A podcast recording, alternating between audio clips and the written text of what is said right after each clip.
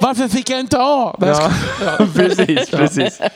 Men, eh, men eh, jag måste bara ändå kommentera våran titel.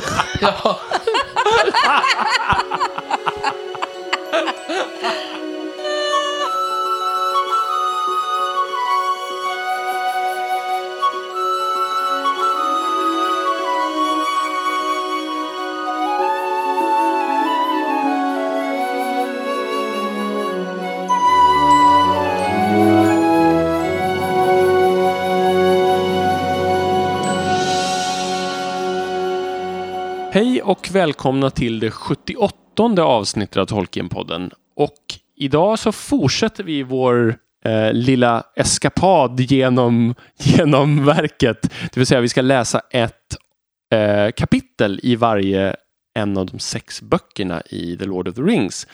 Och vi som gör det här är alltså Adam. Elisabeth. Och Daniel. Det här kommer jag, på, kommer jag ihåg det ganska tidigt. Ja, det måste jag säga. Eh, så här. Men eh, vi, vi, vi ska alltså fortsätta läsa eh, och den här gången så är vi ju på bok två. Och vi har valt kapitlet The Bridge of Khazad-dûm ehm, för att representera bok två. Och det kanske ni har sett om ni har läst avsnittsbeskrivningen redan Ja. dessutom. Men precis som vanligt, och jag orkar inte ens komma på någon rolig analogi eller jämförelse, så ska vi gå igenom lite annat innan vi kommer till avsnittets huvudämne. Ja, men först har vi ju lite nyheter. Ehm, ska vi börja med Men vår den personliga? roliga, ja. Alltså, den kanske inte är roligast för alla andra, men den är Nej. roligast för oss. Ja, och kan det är den, säga. för oss är det den klart största nyheten. Ja, också. det får man ju säga. Mm. Vår Och vad bok, är då nyheten? Vår bok är nu ute i handeln. Ja. Och det är Så alltså... han och lät som någon gammal film från... Precis. Ja. Ja. Vad säger herr Andersson? ja, den är ute i handeln sa jag. Ja. Nej, men eh, det går alltså att köpa den. Ja. Eh, och när det här avsnittet kommer ut så har den varit ute i några dagar Mm. redan. Eh, och som de som följer oss på Facebook kan redan ha sett det här, men vi upprepar för alla andra också att vi har en rabattkod ute om man vill köpa den här quizboken som alltså heter den inofficiella Sagan om ringen-quizboken. Titeln. Det har vi nog inte sagt i podden tror jag, Nej, hela nej. namnet. Ehm, då finns det en rabattkod som är MELLON, alltså M-E-L-L-O-N, för det vet vi att det öppnar alla möjliga dörrar. Ehm, och då får man 20% rabatt På Bokus. på bokus.com. Mm. Bara där, ska vi säga. Ja, precis. Test. Ni kan gärna testa den på andra sidor och sådär, men det kommer inte hända någonting. Det här gäller ju bara till den 11 oktober. Så om ni vill ha den billigare så får ni köpa nu eller vänta tills den reas ut. Ja. Så här sa han pessimistiskt. ja, Ja, precis. precis. Ehm, vi fick ju faktiskt en liten recension av Bibliotekstjänst Ja. där vi fick fyra av fem i betyg. Det, det, Det, var, jag var väldigt fint Ja, betyg. det blir jag glad ja, av. Verkligen. Men den finns alltså ute och beställa nu om ni skulle vara intresserade. Mm. Och det blir vi ju väldigt glada om ni gör såklart. Vi vet ju inte riktigt i vilka fysiska bokhandlar den här kommer finnas. Det är inte, kanske inte i alla, men, eh, men ett antal Vi säkerligen. vet att SF-bokhandeln har köpt in Mm. både i Stockholm, Göteborg och Malmö. Och Ja. vi vet Akademibokhandeln. Mm, Ja. Precis. Och vi- den skulle ingå i någon sorts kampanj där tror jag också. f- Om, om ett tag. Så att, Precis. ja, Mm. med fantasy-tema Mm. misstänker jag. Mm. Så det känns jätteroligt och, och lite speciellt. Verkligen. eh, att hitta sig själv på bokhandelssidor. Men vi har ju också lite andra nyheter, eller hur Adam? Ja, det är lite små nyheter. Vi har fått lite inskickade tips och sånt där. Saker som, som, jag, har, som jag kanske inte har tänkt på att ta upp heller. Eh, men som kan vara en, roligt att höra om. Eh, vi har ju eh, för ett antal avsnitt sedan gjort det här rollspelsavsnittet med The One Ring. Ehm, och The One Ring har ju eh, haft en kampanj en, en Kickstarter-kampanj för en, vad heter det, en kampanjbok som handlar om Moria. Passande för det här avsnittet eftersom Mm. vi faktiskt ska prata om The Bridge of Khazad-dûm. Och ehm, den heter Through the Doors of Durin. Och den, den har ju, alltså det här, Kickstarter har vi pratat om tidigare, men det är ju det där att man lägger upp ett mål eller olika mål för hur mycket, om, om ni samlar in så här mycket pengar så kommer vi kunna producera det här och så vidare. Mm. De gräsrotsfinansierade alltså 12 miljoner svenska kronor eh, Det är helt galet. Alltså- det det. på det här. Och jag tror att de, vet du, hela, eh, på, på 24 timmar så hade de gått över deras liksom, originalmål för att finansiera boken med 3000 procent. Ja, det är många procent. Ja, Mm. så, att det, ja, så det, det är rätt populärt det här. Ehm, Ja, verkligen. jag känner mig lite skeptisk mot att köpa den här eftersom det, det verkar finnas möjligheter att ändra Tolkiens kanon här. Mm. I, i, men men det, vi får se. Man kanske kan ändra... Du kanske kan få hålla för näsan. och- Ja, ja. och liksom Ja. blunda med ena ögat. Sådär. Exakt. Mm.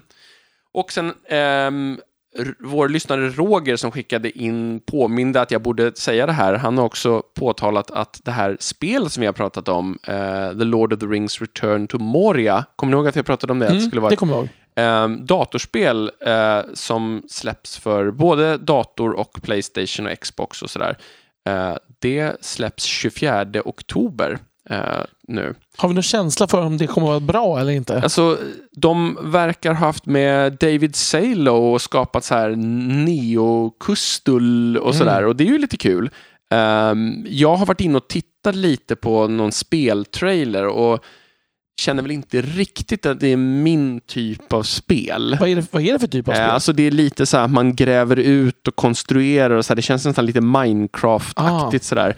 Det, jag vet inte, jag, jag blir inte så jättesugen när jag tittar på det så, men jag tror att det kan vara värt att ge en chans för den som uppskattar den typen av spel. Mm. Mm, så, och jag menar, jag tycker att, att de har tagit in till exempel David Salo för att få någon sorts, liksom, då har man, då, det känns ändå som ett positivt tecken tycker jag. Mm. Så där, där har vi några små nyheter då, utöver den här gigantiska Ja, nyheten med vårt boksläpp som Ja. överskuggar allt. Ja, ja. ja.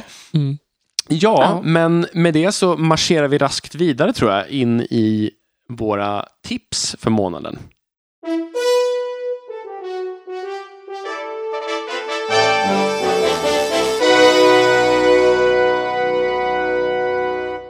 Jag vet inte, det här med tips. Ibland så är det svårt liksom att komma på något som känns nytt och fräscht. Och då får man eh, backa till något som känns gammalt och fräscht, Ja. förhoppningsvis.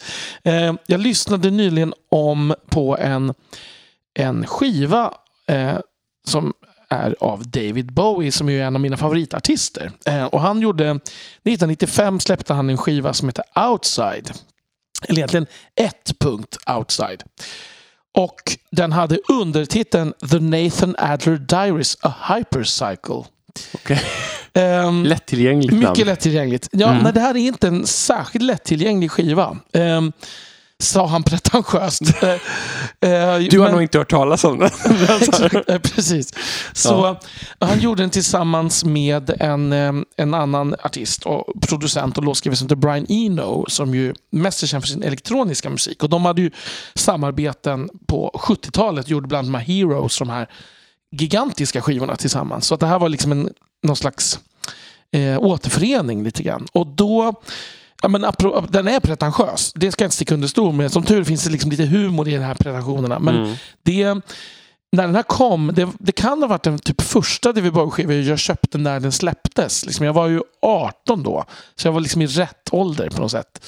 Och den är någon slags kvasiberättelse som inte går att följa liksom egentligen. Ehm, den är inte liksom, strukturen är inte tydlig. Så.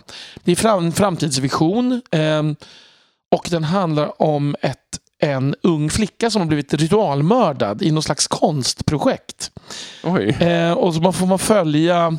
Elisabeth gör ett väldigt tydligt avståndstagande ansiktsuttryck här. Eh, och den, den är ju... Eh, och det finns, man får följa en detektiv som heter Nathan Adler och det finns ett... Den här... um, vad ska man säga, skurken eh, är också då konstnär och kallas för The Minotaur. Ehm, Mhm. Och så finns, får man följa lite andra karaktärer. Som, och alla de här spelar då David Bowie i, i olika sånger men också ibland i vissa så inlästa liksom, Jaha. mellan, mellanprator nästan. Och plötsligt så känns introt på Bohemian Rhapsody som lite mysig text. Ja, ja absolut. Ja. det här är, ja, det här är inte mysigt. Nej? Musiken då är ju någon slags... Det är verkligen någon, någon slags 90-tals mix mellan så här lite industrirock och lite mer så här symfonisk rock och liksom elektronika och lite drum and bass och Mm. massa grejer som var in, och lite jazzvibbar och så här, som var inne på den här tiden. Och jag skulle påstå att det här kanske var sista gången som David Bowie liksom på något sätt fångade upp zeitgeisten. Liksom. För han var ju Mhm. annars väldigt, väldigt bra på det. Liksom, var Mm. han, hans grej. Att han, han låg liksom lite före i att känna vad som var på gång. Så det är som, det är som maxat 90-tal. Och, och det märks också i att den skivan här har liksom använts låtar från, i massa filmer från den här tiden. Så att det mest kända är att, att en av dem är liksom titelspåret i Seven. Och det finns även med i ehm, Starship Troopers. Uh, I Memento är en av de här låtarna också som är i eftertexterna. Och i David Lynch's Lost Highway. Så det är verkligen en... Och det, och det är filmer där det här passar in. Som ni, om man har sett de här filmerna förstår man känslan tror jag. Mm. Den här skitiga 90-tals Ja. industrikänslan och det är liksom är det mörka som man utforskar hos människor på något sätt. Mm. Och det gör de även, han även i musiken då kan man säga.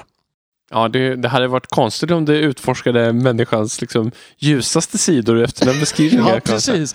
Ja, men det fanns ju en trend under 90-talet på Ja. något sätt att, att göra det liksom i, i film och så också. Ehm, så den, om man inte har hört den och är sugen på något lite lättsamt så, så kan man ju eh, lyssna på den tycker jag. Var Kul tips, det måste jag kolla upp. Jag har Mm. sett de flesta av de här film, tre av fyra av de här filmerna, Mm. så då Mm. har jag ju säkert hört en del av musiken. Det har du ju. Mm. Och jag tänker tvärtom, att eftersom jag absolut inte ser de där filmerna Mm. så kanske jag skulle kunna lyssna på musiken och, och komma så här lagom nära Mm. utan att behöva verkligen se eländet i, i våld och Ja, eh, annat. det hörs ju inte, eller man hör ju Nej. att det är mörk musik Ja. men man ja, behöver inte se någonting. Nej, Nej. Det är ingen musikvideo med. Nej. Det Nej. är det inte. Det, och det kanske man ska vara glad över, Kanske det faktiskt. faktiskt. Ja, men jag tror inte det hade varit liksom hans grej att att göra det för konkret. Liksom. Nej. Eller? Då har vi kommit fram till min tur. Eh, och jag är lite uppfylld över att jag har varit idag på eh, Nobels Teacher Summit.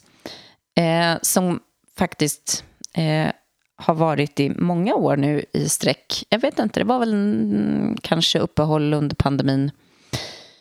Eller då var det nog så här eh, via nätet eller någonting, eh, något år. Men i övrigt så har det, eh, så har det varit i, i ett helt gäng år. Ungefär den här tiden. Eh, och det är någonting som jag verkligen kan rekommendera. Eh, det går av stapeln på Münchenbryggeriet. Man måste köpa biljetter i god tid och sådär. Och Mm. övertala sina eh, chefer att det är värt det. Men det är värt det, för det, man får väldigt mycket.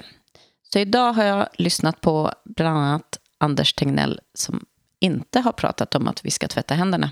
Mm. Eh, utan lite andra saker och sådär. Eh, Men och- inte heller prata om att vi inte ska tvätta Nej, händerna. men verkligen inte. Nej. Eh, men eh, olika... Han domderade. Sluta tvätta Ja, händerna precis. genast! Här tvättas det för mycket. Mm. Och då tänker jag att det är dumt. Ett halvt eh, tips, det är verkligen för er som kanske jobbar inom skolan att kolla upp om ni inte kan gå nästa år. För det här eh, är verkligen någonting som jag tycker är enorm lyx att få delta i. Men det alla människor kan delta i om de vill eh, och kan ta sig till Stockholm en fredag kväll så har just Nobelmuseet eh, fredags eh, eh happenings ehm, och närmaste fredag nu så är det under Nobel Calling-veckan eh, där de ringer upp och man har fått veta vilka som får årets Nobelpris och sådär. Eh, och då så är fokus på Nobels fredspris och mellan 18 till 1930 eh, så har man så här lite samtal eh, som man får lyssna till och musik med Ebba Forsberg eh, eh, som tolkar bland annat Bob Dylan.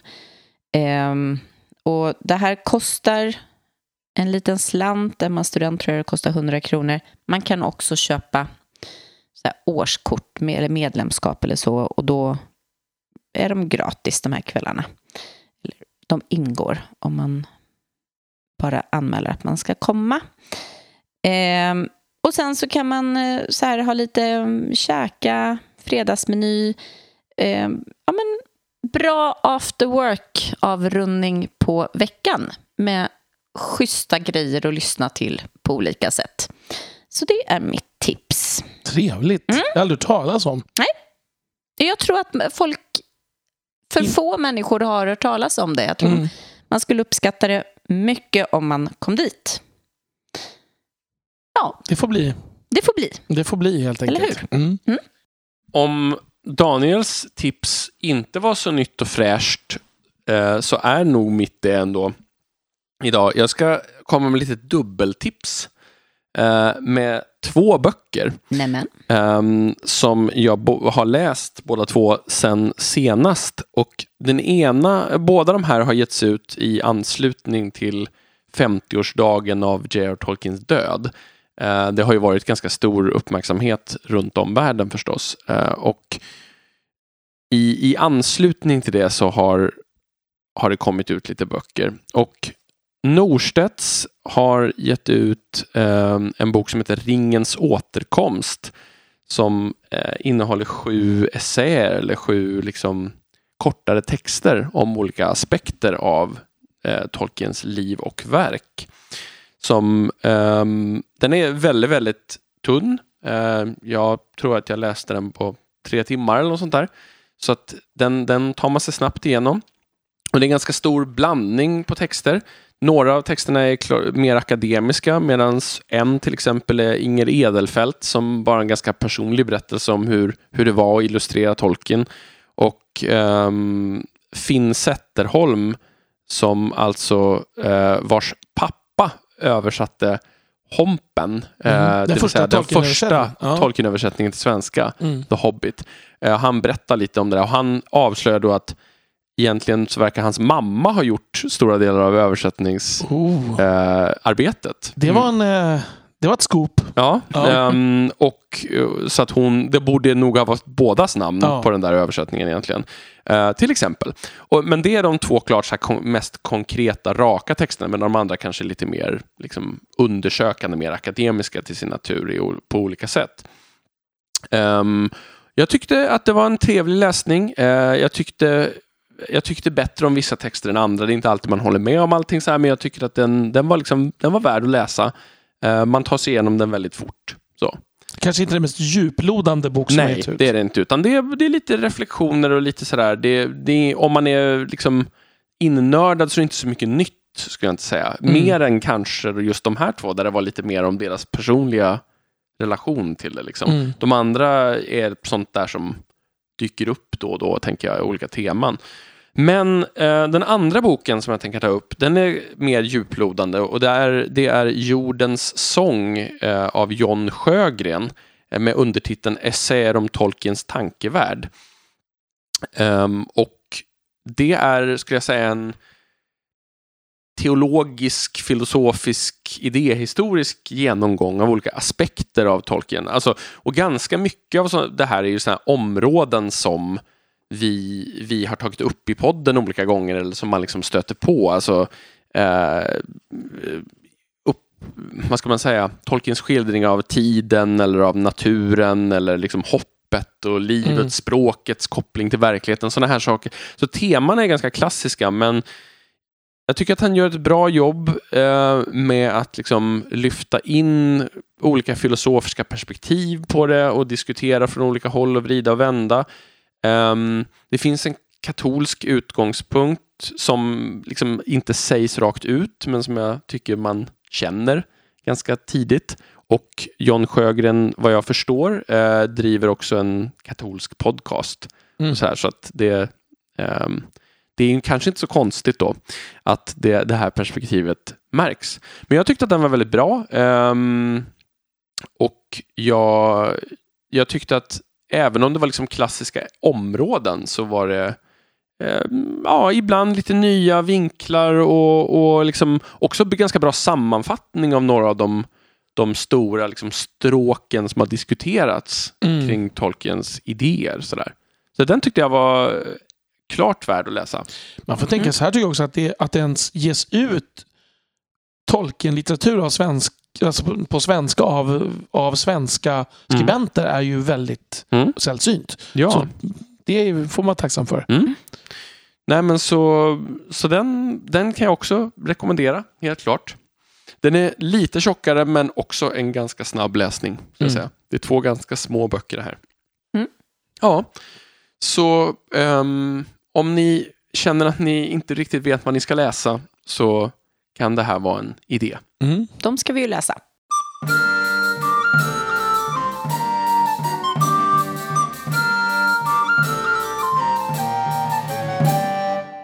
Då dyker vi in i avsnittets huvudtema och jag återupprepar, vi ska alltså diskutera kapitlet The Bridge of Casa Dom eh, och det ska representera bok två. Det här var ju inte lika lätt som att välja kapitel i första. Nej, och jag kan tänka att det, det, det kan, vi kanske kan vara en utgångspunkt i avsnittet att det här, det var inte lika lätt att hitta något som representerade boken i stort heller. Nej, Mm. precis. Det är, det är för många olika delar Mm. i bok två och man hade kunnat välja helt annat fokus utan Mm. problem. Mm. Mm. Verkligen. Men man kan väl säga att den röda tråden genom bok två ändå, Mm. det är ju ringens brödraskap. Ja. Eh, och, och det är ju liksom från att ringens brödraskap bildas, eller f- liksom processen till bildandet i alla fall, Mm. till dess upplösning som vi följer i bok två. Ehm, och då kan man ju, om man tänker att de, det är fokuset, Mm. eller fokusområdet, då kan jag ändå tycka att det här är ett bra val. eh, därför att det är på något sätt liksom brödraskapet i sin, liksom, på, på sin kanske mest dramatiska punkt. Mm.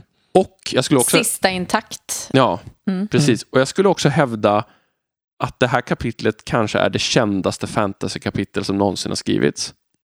Mm. Som, som kapitel. Ja, jag skulle, alltså att alla känner till Moria, alla känner till Gandalf, det här liksom You shall not pass, eh, liksom så här, och, och ännu mer sen filmerna kom, liksom så här, jag kan inte komma på något annat kapitel. Jag, jag tänker spontant att ja, alla känner till scenen eh, You shall not pass, fly you fools, alltså den biten. Men som kapitel vet jag faktiskt inte om jag håller med. Jag undrar om inte... Jag tror att första kapitlet i Lord of the Rings är mest kända. Alltså för att de som inte kommer längre än så Ja. kommer ändå ihåg det. Ja, ah, det var något himla födelsedagskalas. är ju Mm. liksom en fras man hör så ofta. Precis, men det är frågan då hur man mäter förstås Ja, också. Alltså, så här, men, jag- Mm. men jag tror att det liksom det här liksom scenen på bron är Mm. ju en av de klart mest så här, eh, ikoniska Mm. bilderna också. Och, och vägen fram till det där. Och det har också blivit nå- något som blev, liksom, har väldigt, blivit väldigt så här, signifikativt för Peter Jacksons filmtrilogi också. Och så så är där, så att, Mm. Mm.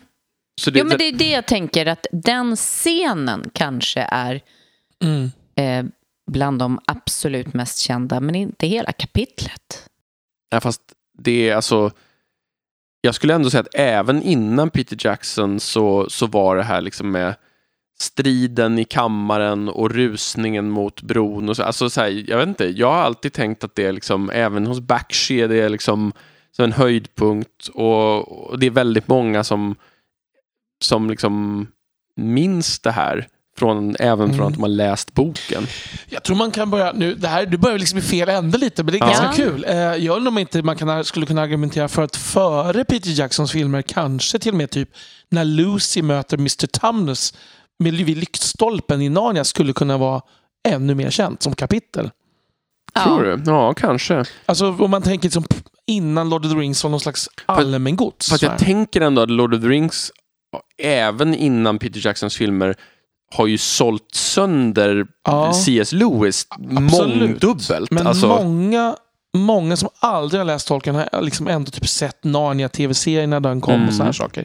Jag vet inte, det är inte alls säkert, men jag tänker att det kan finnas Mm. alternativ som Mm. konkurrerar Mm. innan filmerna kom. Mm.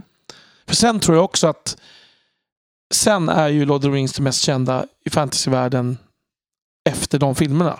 Och jag skulle Helt också klart. säga att Tolkien är ju helt klart den som har färgat mest. Och då har det här gjort väldigt mycket avtryck, för det finns otroligt många härmningar av Gandalf och härmningar av Absolut. passagen genom mörkret, liksom, Mm, mm. som jag har läst i andra sämre fantasyförfattares liksom, Mm. bleka avbild. Så Terry Brooks.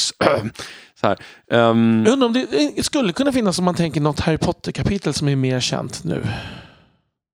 För, för det är så ja, många ungdomar som Mm. fortfarande läser Harry Potter.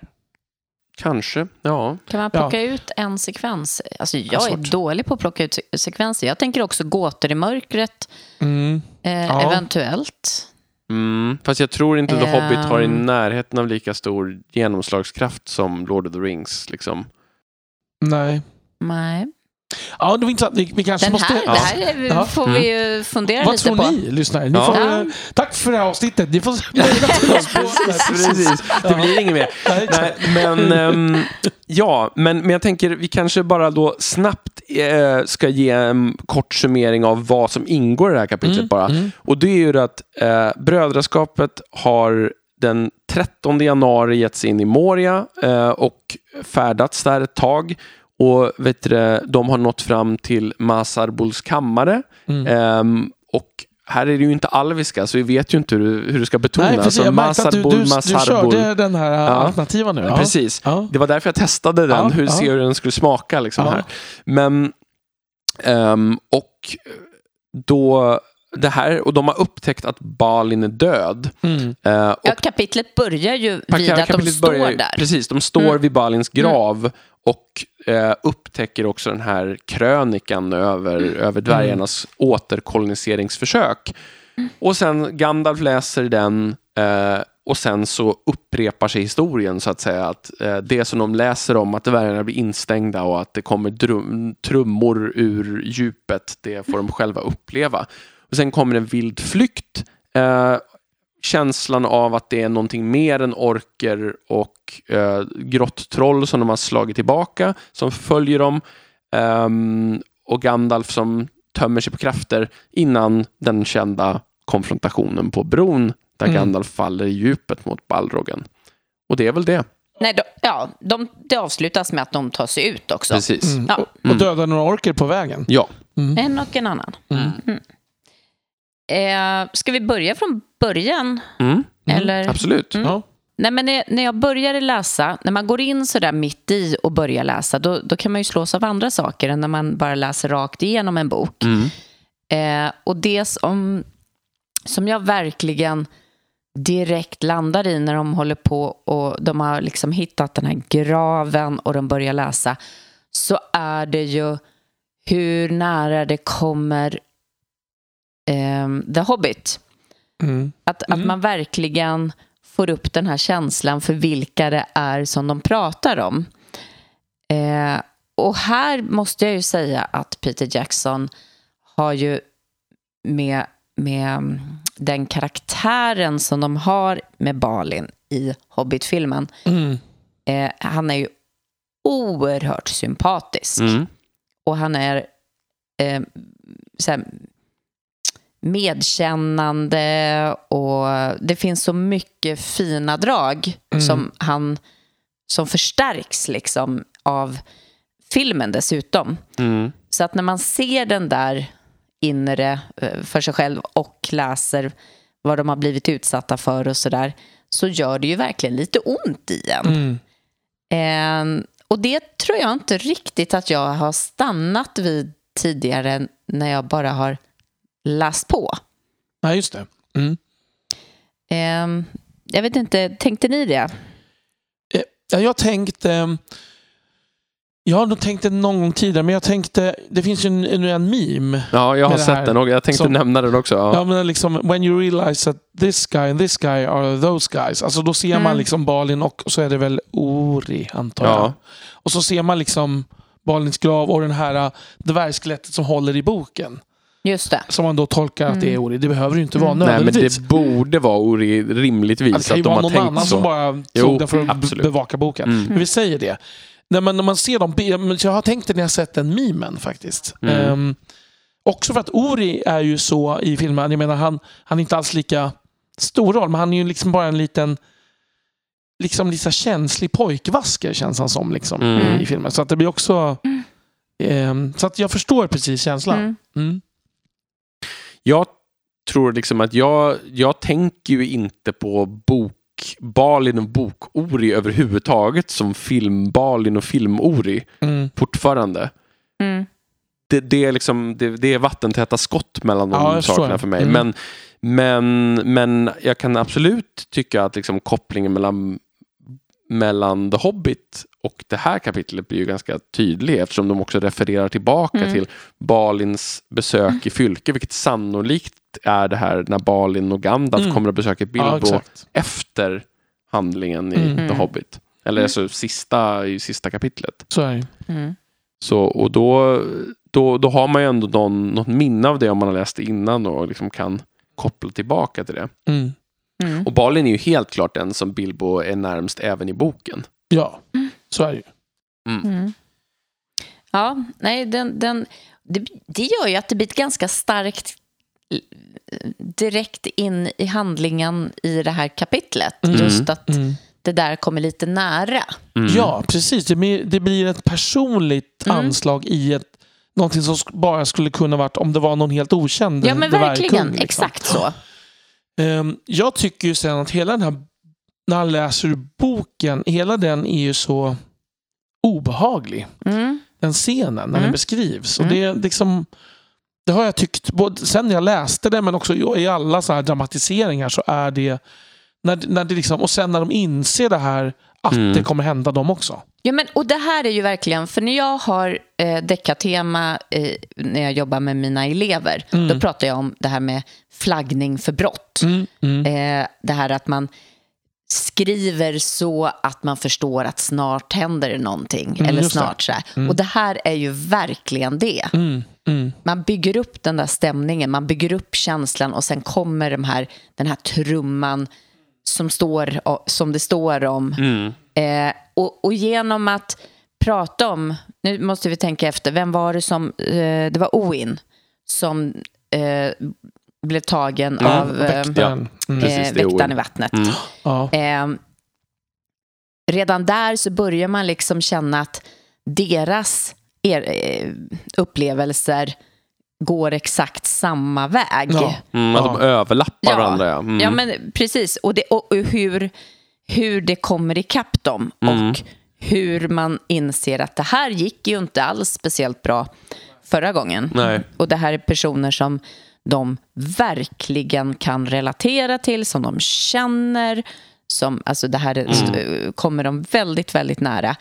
Eh, och, och sen är det bara den här lite ödmjuka snubben Gandalf då som säger att ja, eh, men de hade ju inte mig. Ja, det tycker jag är, det, det, Gandalf i sin mest, bästa så här, Zlatan, liksom så här, Eller hur? Ja. En, det enda som skiljer är att han inte pratar om sig själv i tredje person. Ja, precis. De här är ju inte Gandalf. Det har varit underbart. Ja. Nej, men, det, det, det, men det blir nästan ett metaperspektiv på Mm. det. Att man läser, det det har jag inte riktigt tänkt på förut, där man läser boken i boken. Ja, Liksom. Mm. exakt så. Mm. mm. Och sen, eh, här vill jag bara kasta in en liten eh, detalj som jag tycker är rolig. Att eh, en, eh, en av dvärgarna som nämns här är ju, får ju en ganska, liksom en, i beskrivningen en ganska stor roll trots att han är helt och hållet så här bortglömd. Och det är ju Floi Mm. som nämns att han dräper en stor orkhövding när de återerövrar Moria i slaget utanför vid, ehm, Mm. vid sjön. Och, men att han blir dödad av en, en vettepil då. Mm. Ehm, och det, Floi är för övrigt eh, ett av de väldigt få eh, dvärgnamnen som Tolkien inte tog från Dvärgatal eh, i Poetiska Eddan. Så att Balin är också ett sånt. Mm. Men här är ett en av de få andra som man liksom har Mm. tagit från annat håll skapat. Så. Just det. Var kommer det ifrån då? Eh, jag tror att han helt enkelt bara har överfört det enligt samma form. Liksom, så. Mm. Från... Ehm, nej, alltså överfört liksom, likheter Ah, från okej. andra namn. liksom, och så Eh, för jag, jag känner inte till, det kan vara så att det är plockat någon annanstans från, i så fall Mm. känner inte jag till det. Ja, just det. Mm. Ehm, för de allra flesta finns bara i en lång lista Mm. helt enkelt, Mm. som tar upp ganska lång del här. Just det. Men ehm, inklusive då Gandalf som Ja. ju är en av dvärgarna i den listan. Mm. Men ehm, så, så han är lite så här, om man ska göra någonting spännande kring det här så skulle man kunna göra någonting på Floi. Mm, Som ju är lite mm. så här, det finns heroisk kapacitet i, i den okända backstoryn där tycker jag. Jaha. Men, men sen är det någonting med, som jag inte tycker ju att alls fångas av Peter Jackson. Det, och det gör ingenting för att det är en bra scen ändå. Där. Mm. Men det här med att trummorna är ju mycket mer krypande Mm. och hotfulla. Att det mer var dum, man tänker, jag tänker mycket långsammare slag. Mm. Liksom. Att det liksom inte är dum, dum, dum, dum, dum, dum, Mm. så, och så kommer de springande. Liksom. Eh, och det är också hela den här grejen att de har det här med Pippin och brunnen har ju skett mycket tidigare ju i, Mm. i boken. Ja. Och att det börjar med att det låter som att någon så här hamrar eller Ja. någonting Ja, precis. De har ett borta. knackande Ja. ljud tidigare, men det har ju gått, det har ju gått lång tid däremellan. Ja. Liksom, så att, Precis. ehm, Men det är ändå, man får ju ändå känslan av att det hör ihop. Ja, ja, absolut. Mm. Men, ehm, men sen så en sak som, som jag kanske inte har tänkt på så mycket innan, det är ju det här med att Tolkiens onomatopoetiska beskrivning av trumslagen inte är boom, utan doom. Doom, precis. Eh, som ju liksom blir ja. dom eller öde Mm. samtidigt. Så det är en väldigt snygg... Den är snygg. Ja, den är riktigt snygg. Mm. Sen, sen är en sak, den här boken, han, han gjorde ju den här sidan, Tolkien. Han, han, alltså han skrev den på typ papper som han åldrade och Ja. eldade i kanterna. Jag tror han till och med gjorde tre versioner av den. Eller något sånt och, och ja. han tänkte att det skulle vara med i, som en illustration. Ju, Mm. i, men sen så insåg ju förlaget att det skulle bli för dyrt så han hade lagt ner allt det där i onödan den tiden. Mm. Han var lite besviken då. Det finns Jag utgivet i annan kringlitteratur. han gjorde en del saker som blev lite i onödan. någon gång, Ja, någon gång ibland. Ja. Helgerån, vad säger du? Precis. Ja, ja nej men verkligen. Ehm, men men, men det, det hade ju varit häftigt. Jag tänker Mm. att det hade varit... Mm. Eh, ja, jag har inte läst någon av de versionerna, för de har, jag tror att de har liksom lagts in i en del såna här Så kan det specialutgåvor. nog vara. senare. Alltså, har du sett den? den Ja, eh, Men jag har inte läst någon utgåva som har det här Nej. i sig. Nej. För det hade, jag, det hade jag uppskattat känner jag. Mm. Ja, verkligen.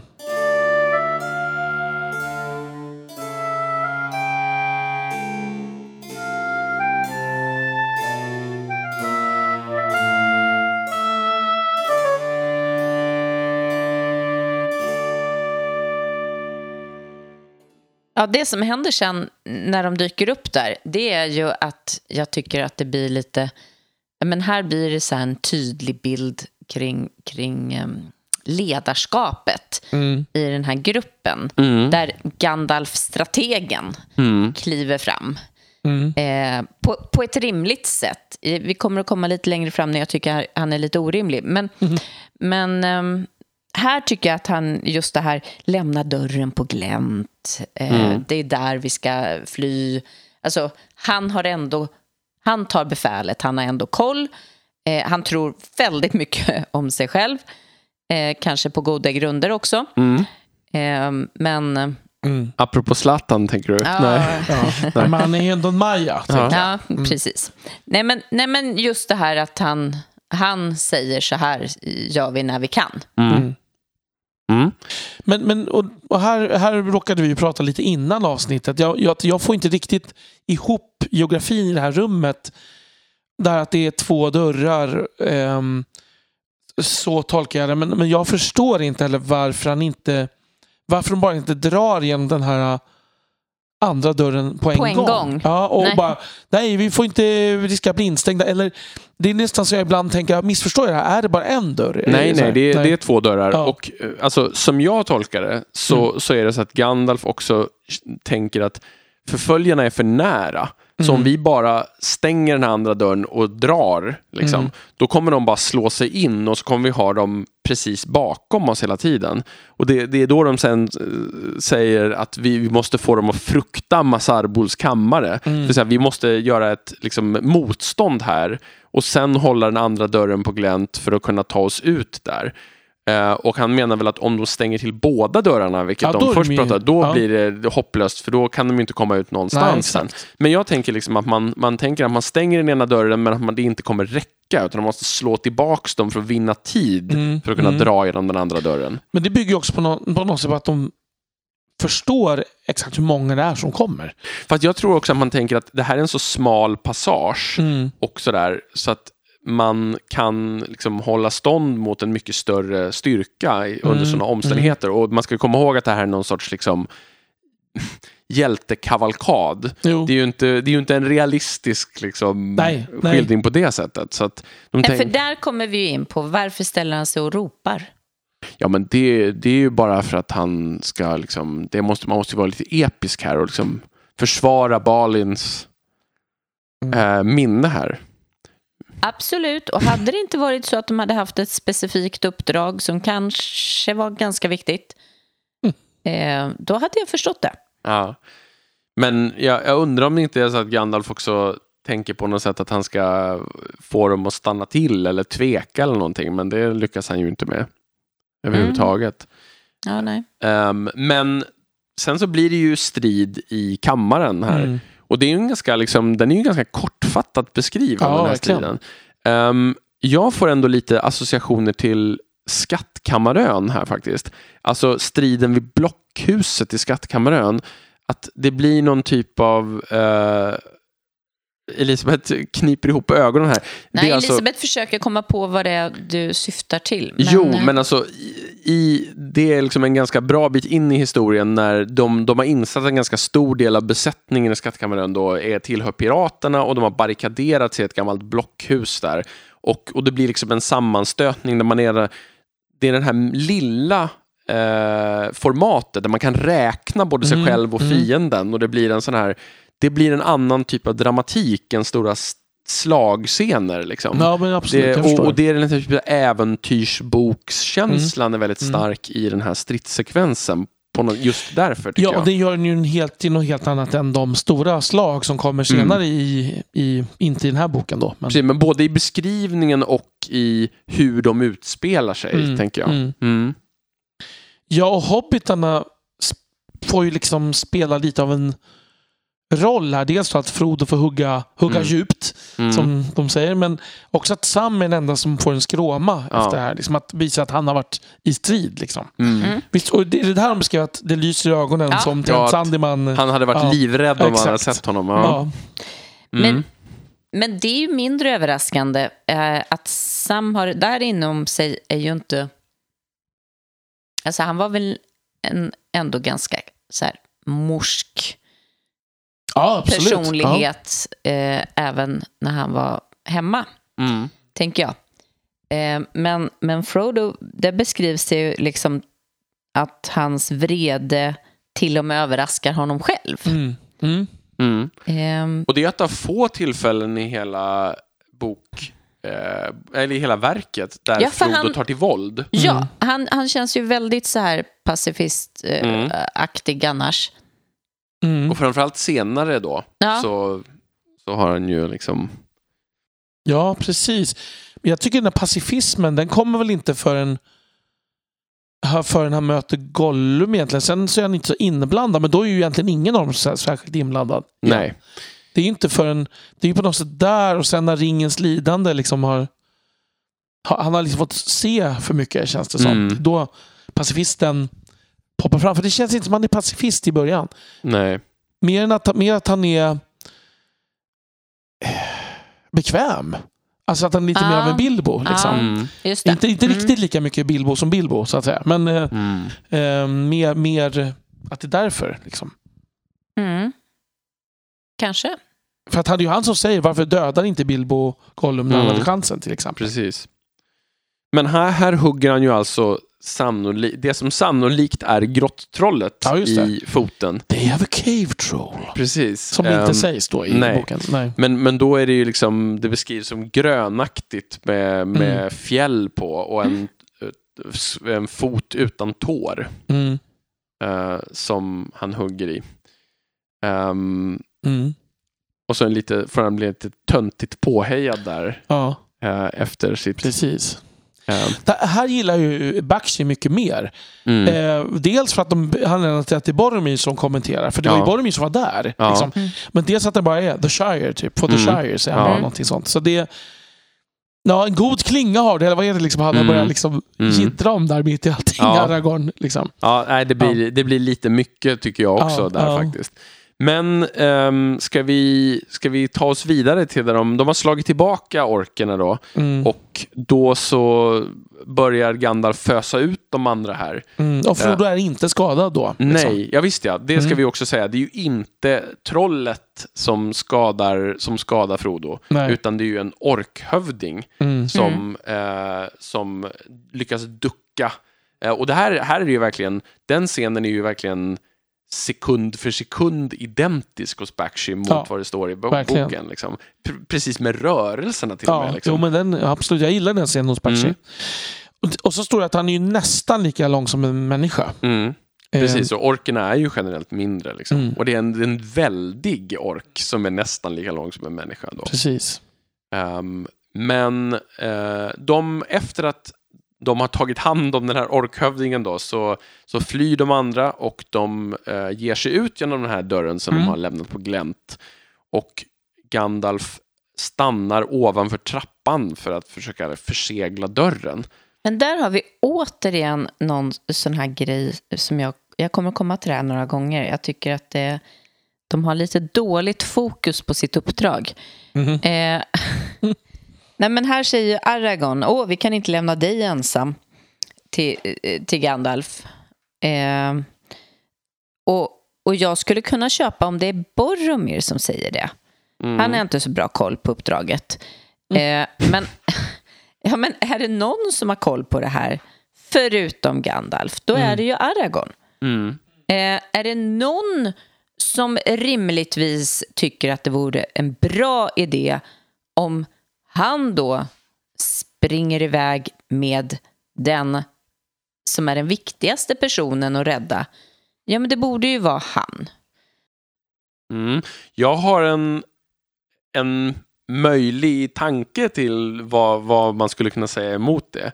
Mm. Att det skulle kunna vara så här att man vill understryka att Aragorn ser det som absolut nödvändigt att ha Gandalf med sig. Att man kan inte lämna honom bakom för det, det katastrofalt för Mm. uppdraget. För att ytterligare hamra hem hur illa det är sen när Gandalf Ja, faktiskt inte kommer ut ur Moria. Liksom. Mm. Till Jo, för att Aragorn, det är han som varnar innan allting innan de ger sig Ja, in. Säger, precis. akta dig Gandalf, Mm. om, du, om vi går in. Liksom. Precis, och där har de ju vänt lite på det hos Peter Mm. Jackson igen. Ja, Liksom. men det, det talar på något sätt för din idé om att Aragorn på något sätt har en föraning om vad som Mm. kommer hända. Och Aragorn har ju föraningar i andra delar av verket, som när han föranar att han ska möta Eomer igen på, Just det. på andra Mm. sidan Mm. på ett slagfält och så vidare. Och så, att, så han har ju någonting av den här förmågan Mm. ändå. Mm. Jo, men och ja, precis. Och jag, men jag kan köpa att han tycker att det är en dålig idé att Gandalf blir kvar. Men, Mm. Och han säger ju inte rakt ut jag stannar med dig Nej. eller sådär liksom. Det, det gör han ju inte. Eh, men det är lite, det skulle vara ganska mycket out of character. Både att han inte fattar att han blir ännu viktigare om Gandalf stannar. Mm. Eh, men också att han skulle säga eh, så Legolas, häng kvar här. Ja. Eller Ja. något. Alltså det, det, alla de där känns ju bara konstigt i förhållande till vem han är. Så jag, Mm. jag tycker... att- Mm, jag- har lite invändningar mot det här kapitlet Mm. när det gäller sådana här saker. Jag tycker de släpper sitt, sitt upp, fokus på uppdraget. Mm. Ehm, det är frågan om det, alltså om det är tanken att man ska man ska tänka att de inte helt lyckas hålla fokus på uppdraget. Mm. Att, att det, blir liksom, det blir mer brödraskapet i fokus än, än Mm. ringförstörelsen långt i framtiden. Mm. Sådär. Mm. Mm. Och då är det ju återigen, det är helt rimligt att Mary, Pippin, Sam, Legolas, Gimli, alla de, Boromir, alla de skulle kunna tappa fokus. Mm. Gandalf Aragorn not so much. Men, men när menar du att Gandalf tappar fokus? Ja, han, han tappar inte fokus kanske på uppdraget. Han tappar... Jo, det gör han förresten. Vi kommer dit. Vi kommer Okej. dit. Han tappar fokus på uppdraget. Mm. Vi kommer dit. Men det, det jag slås av, om, eller ska vi ta den där scenen med uppe vid dörren? Mm. Eller ska, för, att, Det, det har vi pratat om lite i de här magiavsnitten Ja. senast. Ja. För jag tänker, det, de, de flyr ju först liksom, innan de börjar prata om det. Mm. Och att här tar det ju en, de springer ju en timme liksom. Ja, Mm. två Eh, kilometer. Ja, precis. Mm. Så det är verkligen inte så här... De är ju, och det, och det gör ju på något sätt värre någonstans. För det, det gör det också mer begripligt. För, för min tanke var, men är det här Balrogen alltså som han har slagits mot där? För det har jag alltid tolkat som. Men va, hur, hur kommer den så snabbt Mm. till, till, bort till bron? Men det är ju inte så snabbt. Nej. Det är ju liksom Sen, lång sen, tid. sen ska vi också säga, det, vi kan ju inte säga ordet springa. Nej. Två kilometer, en timme. Ja. Det är inte jättehög hastighet på den Men rörelsen. det skulle kunna vara massa liksom, trappor upp och ner och hinder och sånt där. Det, det behöver inte vara att bara platt mark. Nej. Det hoppas vi. Mm. Nej, nej, men- nej, men precis. Du bara, de är svaga beep-test de här killarna. Så här, ja. Det. Det, det, är ju att det är, mörk, det är mörkt. Liksom, att de känner sig fram som en blind till Mm. exempel, står det här. Precis. Precis. Ja. Det är ju sådana eh, små utmaningar som jag tänker är rimliga att de Men, har. men, men om, om det har varit som på något sätt i mitt huvud har jag inte liksom sett den där tidsaspekten överhuvudtaget. Då har det liksom varit, de springer därifrån och sen kommer de till bron och Ja. där står nu Balrogen. Liksom. Mm. Hur kom... Hur kom man dit? Ja, precis. Men det blir ju logiskt om det faktiskt är så att det, de hittar ju och kan ta sig dit fort. liksom. Och sen dessutom så, precis, det, det finns ju olika vägar Ja, dessutom. exakt, liksom. exakt. Ja. Men det hade ändå varit lite svårare Ja. att förklara om det... Mm. Mm, om det hade varit så kort tidsspann, ja. precis. ja Mm. absolut. Sen är det så här, hur, hur stor är den där kammaren? Det är ju inte, och det är ju det som också, för att en Balrog är inte gigantisk, för då hade den inte kunnat få plats i kammaren. Nej. Liksom. Nej men alltså det är ju väldigt tydligt att den, den är, kan förändra storlek och ja. att det är liksom, den är knappt större än en människa. Nej, men exakt, bara lite större. Grund. Ja, Ja, precis. större men inte och, och i, gigantisk. liksom. i ett tidigare utkast så skriver Tolkien att den har människostorlek, precis, Mm, alltså, mm. så som man ändrar lite sen. Mm. Eh, då är den lite mer konkret. Men, Mm, ja, men exakt. Ja, men så, så det, absolut. Men, men det, hade, det hade varit spännande ändå att se en annan filmtolkning som försöker göra Balrogen lite mer abstrakt. Mm. Mm. Eh, hur annorlunda hela det här segmentet hade kunnat bli Mm. Mm. med den Så, s- tolkningen. samtidigt som den liksom beskrivs, när jag läste nu så slogs jag ändå av att det är massa aspekter att den har en man och att den sprutar eld genom näsborrarna Mm. som... Så abstrakt är den inte. Nej, precis. Nej, Det- men den är abstrakt på andra sätt. Den har, den har någon typ av liksom kraft som kommer från Ja. sig och den är en gestalt av skugga och elden är bara någon sorts reflektion ur skuggan och så här liksom. Så, så är det ju, men det, det finns liksom, liksom lite så här djuriska monsteraspekter som, Mm. som man ibland tänker att det är för mycket. Alltså, I vissa tolkningar kan det bli för mycket, men så inser man att det står faktiskt en del av det i texten Mm. också. Liksom. Absolut. Eh, Sen, sen kommer man ju också, och det här tycker jag är ett nästa problem. Ehm, Gandalf eh, säger att det här är något jag inte mött tidigare. mm, Eh, det här är en kraft som jag inte känner igen. Liksom. Mm. mm. Och Lorin? Ja, fast alltså han har ju... Dels så måste man nog tänka att det är Gandalf, Gandalf inträdd i en, män, eh, alltså i en fysisk kropp. Och för det andra så tänker jag att han och Lorin har väl inte stridit mot Balrogar innan. Nej. Så, så jag tror att inte att han menar Valar är inte mäktigare än det här. Jag tror att han menar jag har aldrig stridit, jag har aldrig konfronterats med någonting som är så här mäktigt tidigare. Mm. För vad skulle det vara för fiende liksom? Nej, precis. Så Det, jag kan köpa att han inte har varit i närkontakt med det, men det känns som att han är så totalt eh, oförberedd på... Ja, men jag tänker väl mer att, han, att det här är ju liksom som att tro att man eh, tro att man ska spela mot Trelleborgs FF och plötsligt så är det Juventus på andra sidan. Eh, även om man själv då är liksom i en annan liga så, är det, så, så blir det något helt annat. Alltså det är så här, plötsligt så är det så här, det här är på gränsen av min förmåga. Och jag trodde att jag skulle vara totalt överlägsen allting vi skulle kunna möta här. Liksom. Och i och för sig så är det ju faktiskt så att när Legolas eh, märkligt nog då känner igen den här Balrogen eh, så säger ändå Gandalf, ja, jaha, Mm. okej, Ja, precis. då, Ja, då fattar jag då fattar jag. Ja, Men precis. Jo, men lite så. Men sen faktiskt. ska man vara lite krass också, som jag brukar ju vara där så kommer det här ut utifrån perspektivet så vet ju Gandalf inte här att, nej förlåt, Tolkien vet ju inte här att Gandalf är, har varit Olorin. Nej. Ska vi också säga, utan Gandalf är ju så, så att säga bara en trollkarl här. Just det. Mm. Mm. Visserligen är det... Har Sen det har han ju reviderat Ja, efteråt när han har hade börjat gjort. tänka Absolut. annorlunda kring så, Gandalf. men, liksom. eh, Men, men mycket av det här är ju Mm. som säkert stammar från mm, innan han har börjat revidera. Och även om Gandalf här är mycket mäktigare som trollkarl än hur han har varit tidigare. ja, när han kastar kottar i The Hobbit. Ja, exakt, ja. exakt. Så är han ju fortfarande har Tolkien nog inte rätt ut det här med, med Valar och Majar och Nej. liksom vad, vad är han för Just det. väsen egentligen? Mm.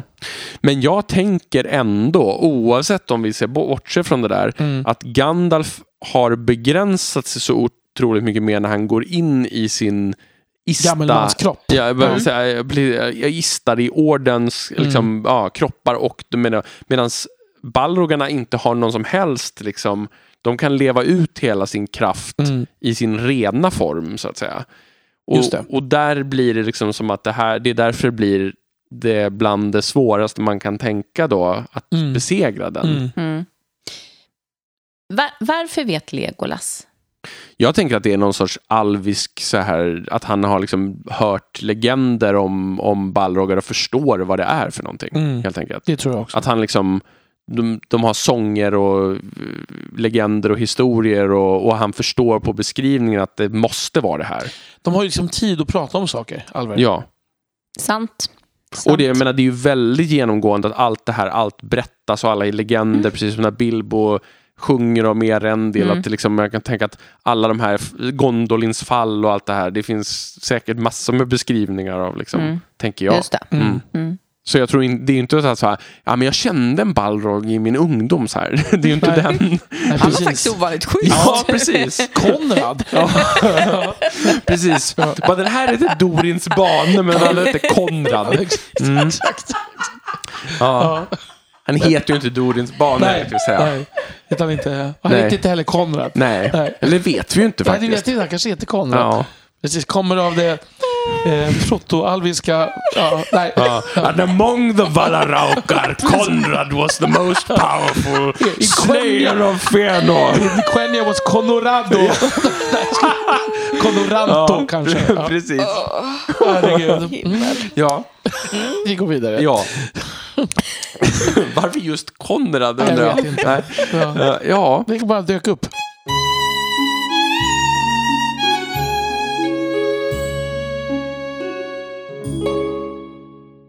Men i alla fall, så eh, vi, de, de rör sig ju bortåt. Eh, Gandalf orienterar sig ehm, och de kommer ner i den här stora salen Mm. ehm, och inser då att de har med hjälp av lite tur, ehm, det, och det är den det är den andra salen i, på första djupet, alltså en nivå under marknivån, eller Mm.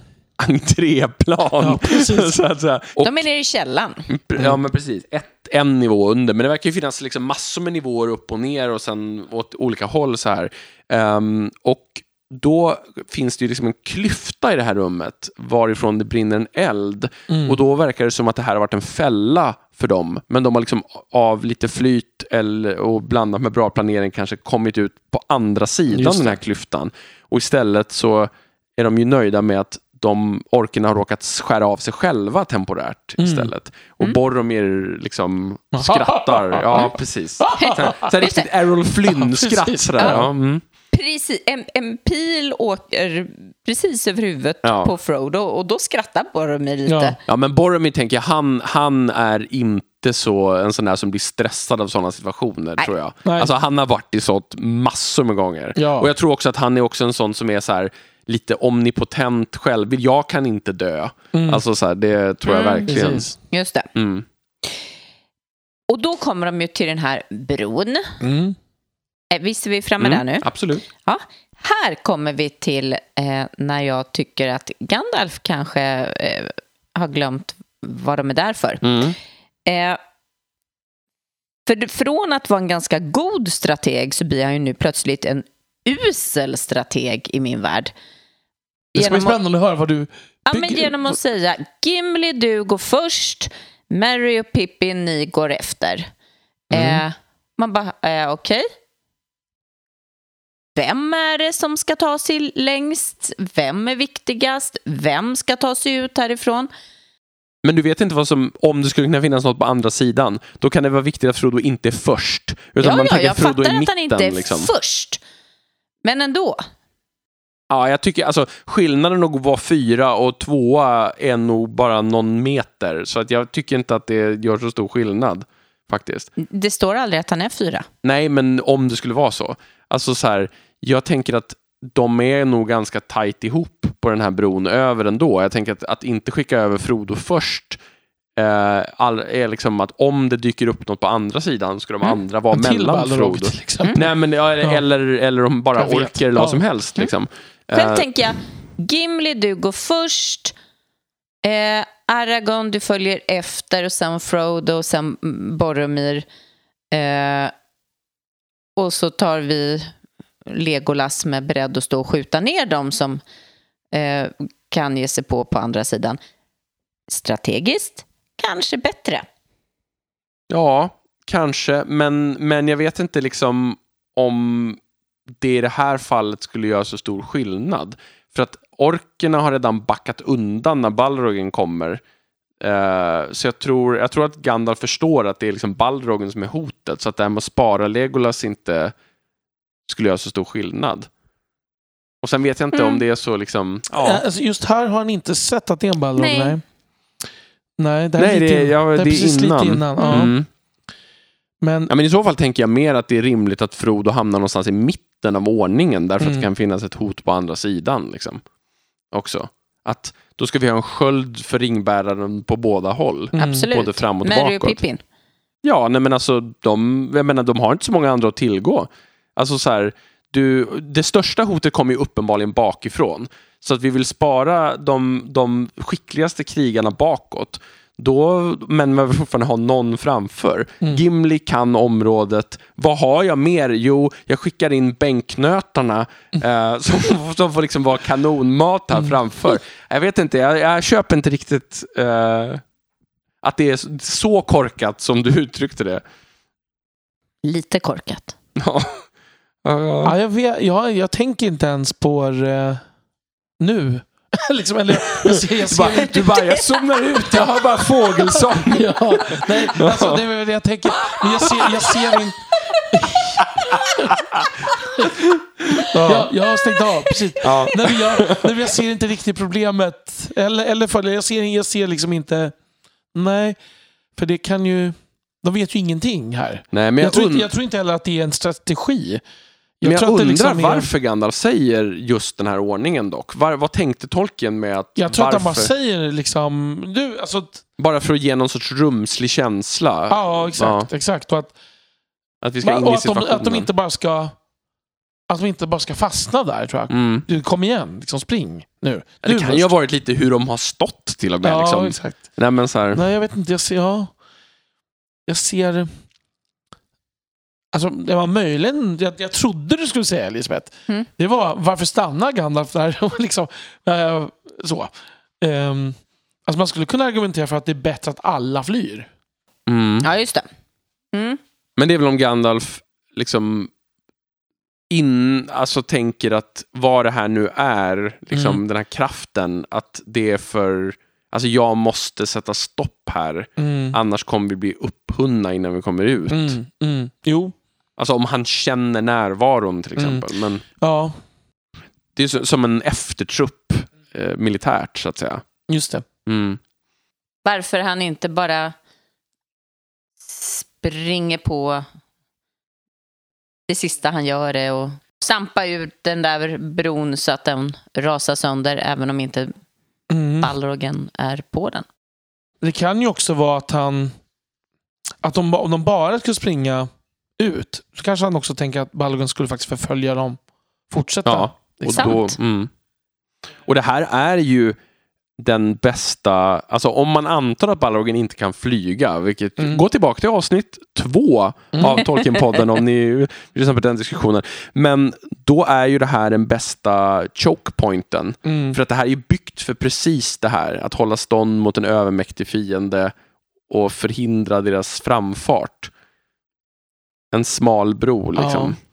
Men det jag tänker på också är, är ju, jag vet inte, det har ju sagts tidigare, det var en av de grejerna som jag reagerar på, att, att det är massa uruker från Mordor där. Mm. Och det här får mig ändå tänka att det kanske är liksom en slarvig formulering av tolken här, bara att det inte är helt genomtänkt. Men vad gör de där, tänker Mm. jag? För det, urukerna är ju inte vanliga...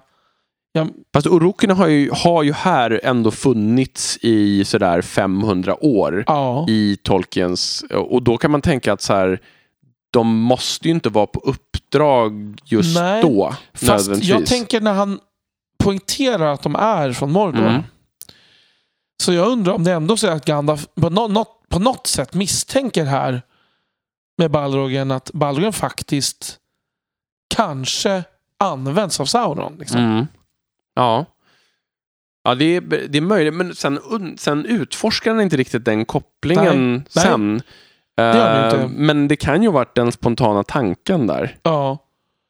För att, nej, precis. För det, det är någonting med det att det är lite som att Caradras Alltså det är som att allting är emot dem och det känns som att det finns en vilja bakom det. Mm. Och det här med att hans arm har vuxit lång. Mm. Att det liksom finns någonting här som också är att Mm. Sauron är inblandad i det här. Mm. Jag tänker ju bara också på Shagrat och Gorbags konversation om vad de skulle vilja göra innan de börjar hugga ihjäl varandra senare. Mm. Att de, eh, deras eh, dröm om, om ett eget litet torp på landet Ja, så att säga. Ehm, att de, de, och då pratar de ju om som det brukade vara liksom, när vi, i de här tiderna när vi var fria. Mm. Liksom så här, och de är ju uroker båda två. Mm. Så jag, bara, jag tänker att man ska liksom... Alltså, man kan också tänka att det inte är en helt kontrollerad taskforce. Men jag förstår din... Liksom, Nej, men att det kanske inte behöver vara kontrollerat på det sättet, men att det finns en vilja som styr Mm. allt det här liksom, på något Mm. sätt.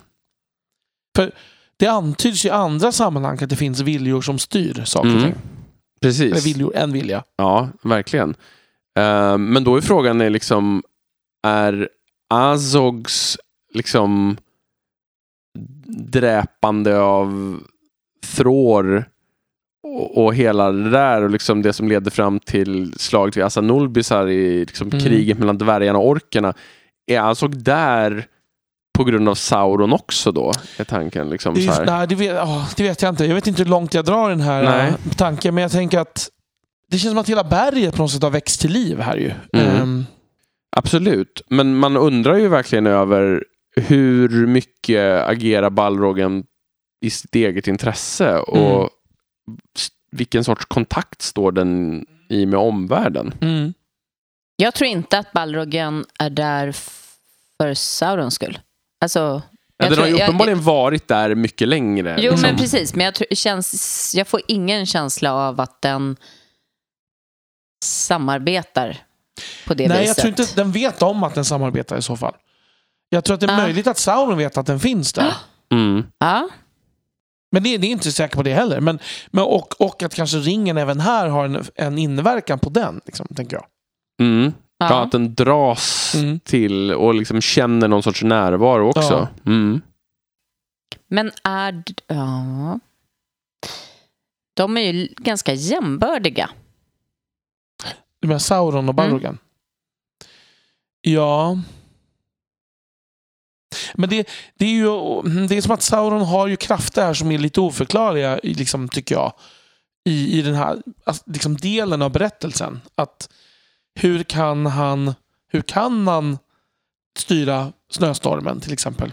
Men jag tänker lite det här som eh, Christopher Tolkiens resonemang i Morgoths ring. Mm. Där han menar att liksom Morgoth hällde hela sin kraft in i Arda och gjorde hela det till sin ring. Så att säga motsvarigheten. Och, och Sauron har liksom kanaliserat kraften i ringen. Jag tänker ändå på något sätt att Sauron, alltså Sauron har ju en kropp här. Alltså det är Mm. en sån här grej Mm. som, eh, som ett vanligt missförstånd.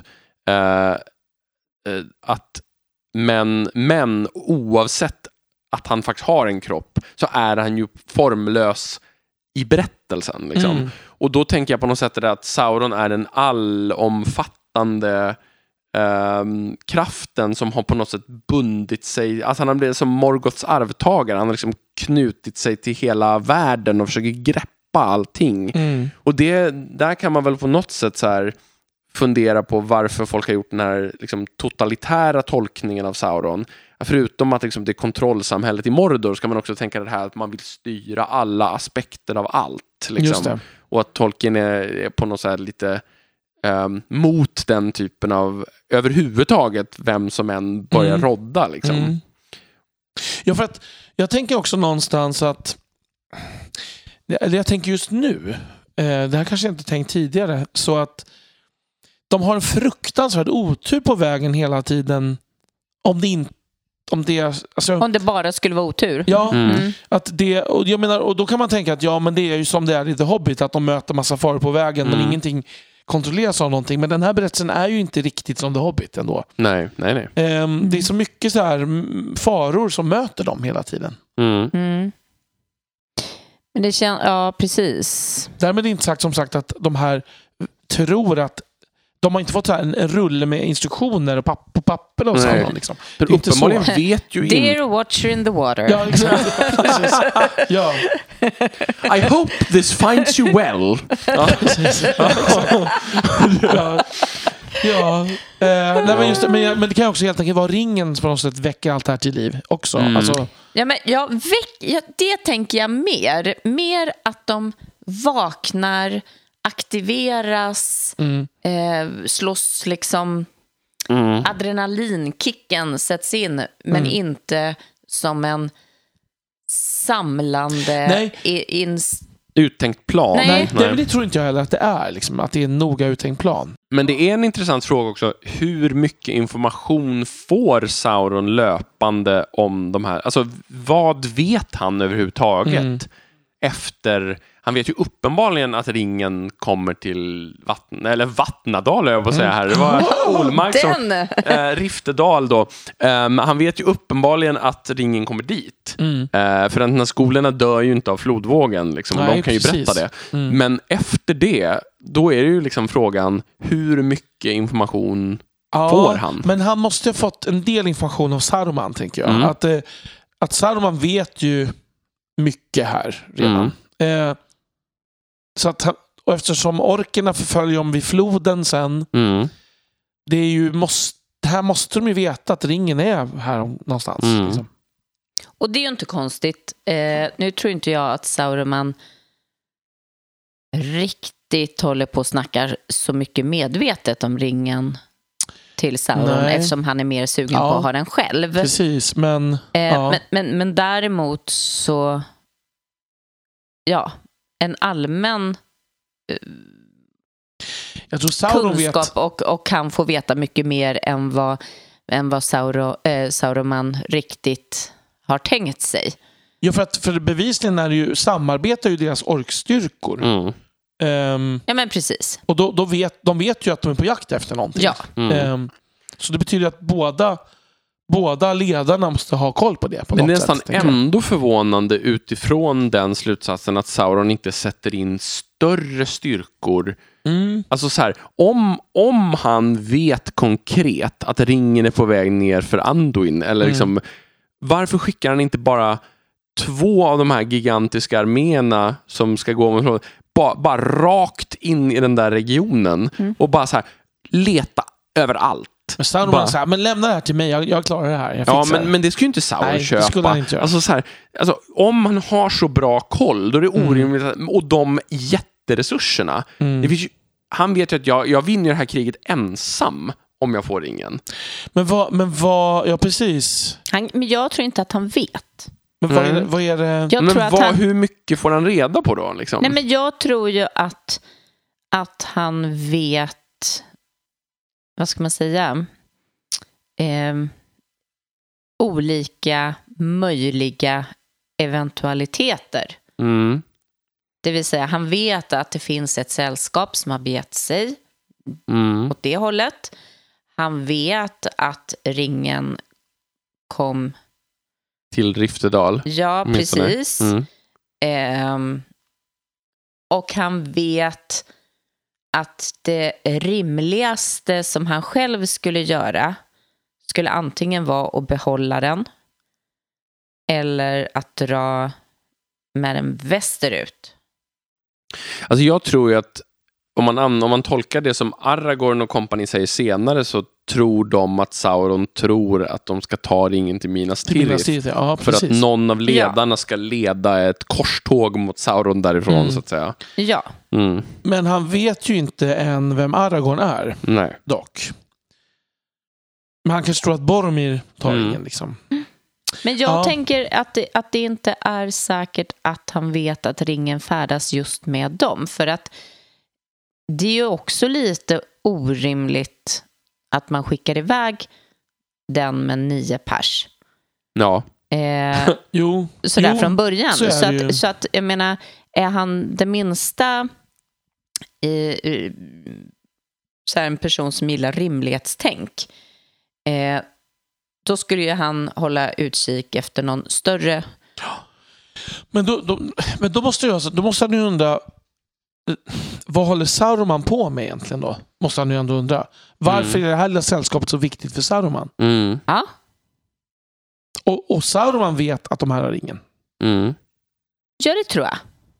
Jo, för det, deras, ja, orkerna vet ju det. Ja, Mm. Ehm, ja. Nej men precis. eller åtminstone misstänker det. Men, men jag tror ju att Sauron avslöjar mer än vad han tror för Sauron, men inte, inte uttryckligen saker. Nej. Och Nej. framförallt inte uttryckligen saker som man inte vill att liksom, ska komma fram. Jag menar, om Denethor klarar att inte berätta Mm, saker, mm, sen att han får en misär och eh, ser fel saker, för han klarar ändå inte av liksom, Nej. hantera det här. Nej. Eh, det är en annan sak, men, men jag menar, Sauron är ju bra mycket starkare än vad Denethor är. absolut, men jag tänker ändå att vad, vad är det Sauron tror att Saruman gör och vad är det... Är det att, eller är det helt enkelt att han tror att de letar efter ringen kring Anduin för det var där den... Men, det, men han vet ju att den är, upp, att den är funnen. Liksom. Mm. Alltså, det är någonting... Att Saurons, Saurons orker hjälper Sarumans orker att, att hitta brödraskapet tyder Mm. ändå på att det måste finnas en anledning till att... Men kan de inte ha ett generellt samarbete? Fast, Ja. alltså, det är uppenbart att Grishnak sitter på någon typ av information. mm. Grishnak förstår vilka antydningar Ja. Mary och Pippin Gollum, gör. Liksom. Ja, precis. Ja. Alltså så här, så hans, han har ju blivit briefad på något sätt. Ja. Mm. Alltså, Men jag tänker ändå att han har blivit, liksom, han har fått en, en kunskap om vad som skulle kunna vara rimligt, mm. Men han vet ingenting. Nej, men jag tänker Eh. bara att det skulle kunna vara så borde skicka ut två jättearméer i den, till den här regionen. Alltså Sauron har nio sådana. Mm. Alltså så här, varför inte? Mm. Därför, det måste ju ändå vara uppenbart för honom att Sauron tror det. Ja, och, och jag menar det är väl värt att gambla på det i så fall, tänker Mm. jag. För jag menar, och det är ju så Isildur blir av med ringen vid, liksom, vid The Gladdenfields, att liksom han blir påkommen av en betydligt större styrka som bara maler ner dem. Mm. Liksom. Jag tycker det, det är lite svårt att få ihop, tycker jag. Mm. Nu har vi gått in i Ja. en väldigt annorlunda här- diskussion. Ja, Ja, men spännande i sig. Ja, i alla fall Och det här Gandalf. hittar ni i slutet Ja, av det här kapitlet. John Le, John Le Carré-versionen Ja, av, ja, precis. av The Lord of the Rings Ja. här. Ja, men, Men vi fall, har, vi har ju inte ganska lite kvar av slutet. ja, Gandalf Eh, slåss vi- mot Balrog och faller i ja, men djupet. precis. Ja. Och det är dramatiskt. Ehm, Och det är ju, och det är ju en av de liksom coolaste scenerna ändå, Mm. måste vi säga. Så vi får inte tappa Nej, den. För mig är det en, av det, en, när jag läste första gången, jag grät ju så mycket här. mm. Mm. Alltså jag tyckte det var så sorgligt. Jag tänkte inte så mycket på att det var coolt. Det var det ju också. Men det var mer att jag tyckte att det var sorgligt att Gandalf var död. Liksom. Ja. Så att jag... Ja, jag, jag den känslan kan jag fort, verkligen fortfarande Mm. känna. Va? Nej, han dog. Liksom. Mm. Ja. Ja, nej, och det, det är ju en styrka i den här berättelsen samtidigt. Mm. Ehm, verkligen. Och där, menar från och med den stunden så är ju inte, ehm, är de inte nio. Nej. Och Aragorn tar ju kommandot jättefort. Där steppar han upp lite. Mm. På en Mm. gång. Och det är rimligt. Mm. Egentligen är det en, var det en, liksom en illa dold plan han hade. Att ta över ledarskapet. brödraskapet. Finally! Ja, precis. Kom, Precis. nu leder jag er. Ja, ni Ja. måste lyda sista order. ja, då spelar Ja, all precis. skatt och spelar och flytt. Ja. Nej, men jag tänker, Nej. det här nu, för nu har jag haft massa invändningar om att saker inte är rimliga på olika sätt. Mm. Eh, sådär. Här kommer det här som är rimligt. Och det är ju att de befinner sig i chock, Mm. såklart. Eh, men de har ett uppdrag och det är att ta sig ut. Eh, och de går på adrenalin hela vägen tills dess den omedelbara faran är över. Mm. Och där faller de ihop i sorg. Alltså, Mm. Mm. där, kom, där kickar känslorna in. Mm. Mm. Men också att på vägen Frodo märker att Sam gråter när de springer och så inser, inser han själv att han grät, gråter också. Ja. Mm. Det, är, det är också Ja, men, ja precis. väl, väl, det tycker jag är väldigt väl beskrivet också. Ja, det känns som en realistisk detalj som Ja. kanske skulle kunna vara någonting Självupplevd. självupplevt. Ja, Ja. precis. Mm, Mm. verkligen. Nej, men det är exakt den reflektionen som jag Mm. gjorde. Att det här, här känns det som att vi tangerar in på hans upplevelser från första Mm. världskriget. Mm. Mm. Ja. Och sen så avslutas ju kapitlet här när de kommer ut. Mm. Eh, för det här resten eh, av besöket vid sjön och så vidare, det kommer ju i Lothlorien-kapitlet. Ja, exakt, exakt. Och de hör trummorna fortfarande och det är liksom Mm. pyr ju rök Mm. ut genom porten. och så här. Precis.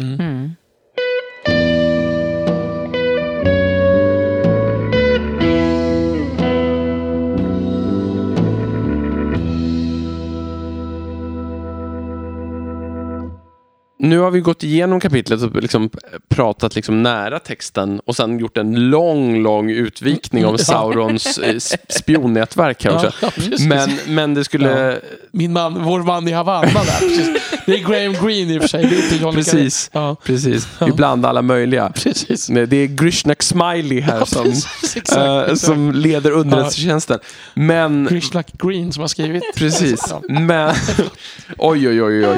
Ja, Ja, släpp. men tänker- Daniel. Ja. Ja. Men jag tänker att vi, vi skulle också kunna resonera lite till kring liksom rollen det här kapitlet spelar i boken och sådär, Mm. hur det representerar. För vi, vi började ju där och sen pratade vi ganska Mm. mycket, började vi prata mer om det här med eh, huruvida det var det kändaste kapitlet eller Mm. inte, eftersom jag tog upp det. Men jag kan tänka att det är ju rimligt på det sättet att det blir, det blir den dramatiska höjdpunkten för brödraskapet Mm. eh, på något sätt. Och det är sista gången brödraskapet är alla nio tillsammans, som du sa Elisabeth. Mm. Ehm, det är ju också den, det är liksom den tajtaste och snabbaste passagen i boken. Ja, det är the centerpiece på något sätt. Det är precis mitt i boken. Precis, Sen kommer ju lugnet före nästa storm. Precis men det är ju sätt. tre kapitel av lugn. Mm. Eh, Ja. Tre och ett halvt kapitel, alltså innan det blir liksom farligt dramatiskt igen på Mm. det sättet. Ehm, så det känns ju som att liksom hela vägen från Riftedal har byggt upp mot den här höjdpunkten och sen kommer en uttoning Mm. och en uppbyggnad mot en annan typ av höjdpunkt, den liksom moraliska sammanbrottet, den liksom Mm. Ja, inre rämnandet som är... Ja. så- det är inte det- den yttre faran längre. det Precis, som, och, och man, man, lite grann skulle man faktiskt kunna tänka sig att när de kommer ut genom dörren i Moria så är det den riktiga ruttnandet börjar. mm. Gandalf är borta och nu blir huvudfokus på Boromirs Mm. inre känslor. Vart ska vi någonstans? Lothlorien, skepsisen mot det, liksom Galadriel ser in i våra hjärtan. Det blir det nya huvudtemat. Mm. Ja, verkligen. verkligen. Ja. Ja, precis. Och, och Gandalf som den, den starka moraliska kompassen. Ja. Det saknas liksom. Precis. Och det är lite som att så här, den kroppsliga del, den världsliga kroppsliga utmaningen i första halvan och sen kommer den själsliga i andra halvan av boken på något sätt. Det var en bra beskrivning. Verkligen. Och det är intressant för att det påminner ganska mycket om upplägget i hela The Two Towers. Ehm, Ja, att verkligen. Första halvan, den boken också är kroppsliga utmaningen och den andra är den Ja, själsliga. det blir den Liksom. stora jakten, striden och Ja. sen kommer den här långa, långa Golgata-vandringen. Mm. Liksom, Mm. som, ja. Och det är väldigt mycket inre processer. Ja. Och det är lite så här ju också. Ja. Att det är väldigt lite beskrivet av det inre livet på vägen i The Ring Goes South och hela den här biten. Det är mer bara vilka äventyr och hinder tar vi oss igenom och det kommer ny, det är pang på rödbetan kommer nya saker hela tiden. Mm, mm. Medan sen så har vi det här mer liksom reflekterande och tvivlande. Ja, man, man kan ju nästan tänka att brödraskapet är som tankarna i någons huvud. Mm, Alltså i kanske Ja. Frodos huvud till och med. precis. Alltså att de olika delarna, att Sam är, på något sätt blir den ena yt- ytterkanten kanske mm, och Boromir den andra ytterkanten. Ja. I, och i, i liksom hur man skulle kunna resonera kring det här. Mm. Och att de, de representerar olika, dra, alltså drar åt olika håll och olika Mm. viljor och önskningar och sådär. Mm, mm. Eh, Men det är ju inte bara brödraskapet. Jag menar, Galadriel blir frestande också. Det är Mm. också en själslig Absolut. nivå och, och vi får liksom fördjupa oss i, i den biten också. Och så dyker Gollum upp ehm, också som är på något sätt symbolen för det själsliga, Mm. eh, ska man säga, eh, dragkampen. Och han har tassat utanför blickfånget genom Moria, så man, Mm. kan, man anar honom där borta. Och Mm. nu när liksom ringens, om, om han representerar också ring, ringens moraliska liksom förruttnande av själen, Mm, mm, när det börjar bli starkt i berättelsen, Mm. då kommer Gollum nära mm. och börjar synas, så att säga. Om, man tänker, om man tänker framåt, nu vad man kommer Mm. välja, så känns det som att det här är ju en... Är, jag menar, vi fick ju alver och stjärnljus i, i förra Mm. vändan, Mm. så att säga. Ehm, här får man ju liksom Mörker. mörker och liksom trummor. Nej, men och, och just st- strid i det här andra formatet, som, Mm. men inte liksom på slagfältet. Nej men också alltså, mer klassiskt äventyr på Ja, det sättet. ja. Även om det är liksom och och en lite, mörker. sk- lite skräck Ja, finns precis. ju någon slags Men det, finns, precis, men det finns ju också det här inslaget av att liksom ett band av liksom, personer som Mm. Ja. ska övervinna Verkligen. liksom, hela... Och det, och det känns som att det här, här pikar det Ja. efter att Ja. ha liksom toppats gång på gång Mm. innan. Mm. Fem på äventyr. Ja, med svärd. Mm. Ja, och mindre te och scones. Hobbitarna hade gillat att vara med på fem på äventyr. Ja, verkligen. De de var, jag hade de här fyra hobbiterna varit med, då hade de varit de nio istället. Ja, precis. Ja. Precis. Det Och var en, jättemycket second breakfast här. Precis. en ja. i Ringens brödraskap hade varit en hund. Ja, Dessutom. Så att, ja. Ja. Men eh, Ja. ni märker att vi inte, vi inte skriver några manus till det här Nej. innan. Och, här är och vi- ni märker också att vi inte spelar in det här under vår mest alerta stund på dagen. Nej, men jag hoppas att ni kan tycka att de här konstiga associationerna ger någonting också. Ja, ja. Men ehm, ja, nej, men jag tänker så här att för mig är det här liksom den... Om jag tänker på bok två, så alltså på din fråga, Mm. då är det Moria som blixtrar till. Liksom, Mm. Som den spontana första associationen för mig. ja, och jag har nog redan sagt någon gång att bok två är nog min favoritbok. Mm. Ehm, och att Moria-kapitlen är nog mina favoritkapitel.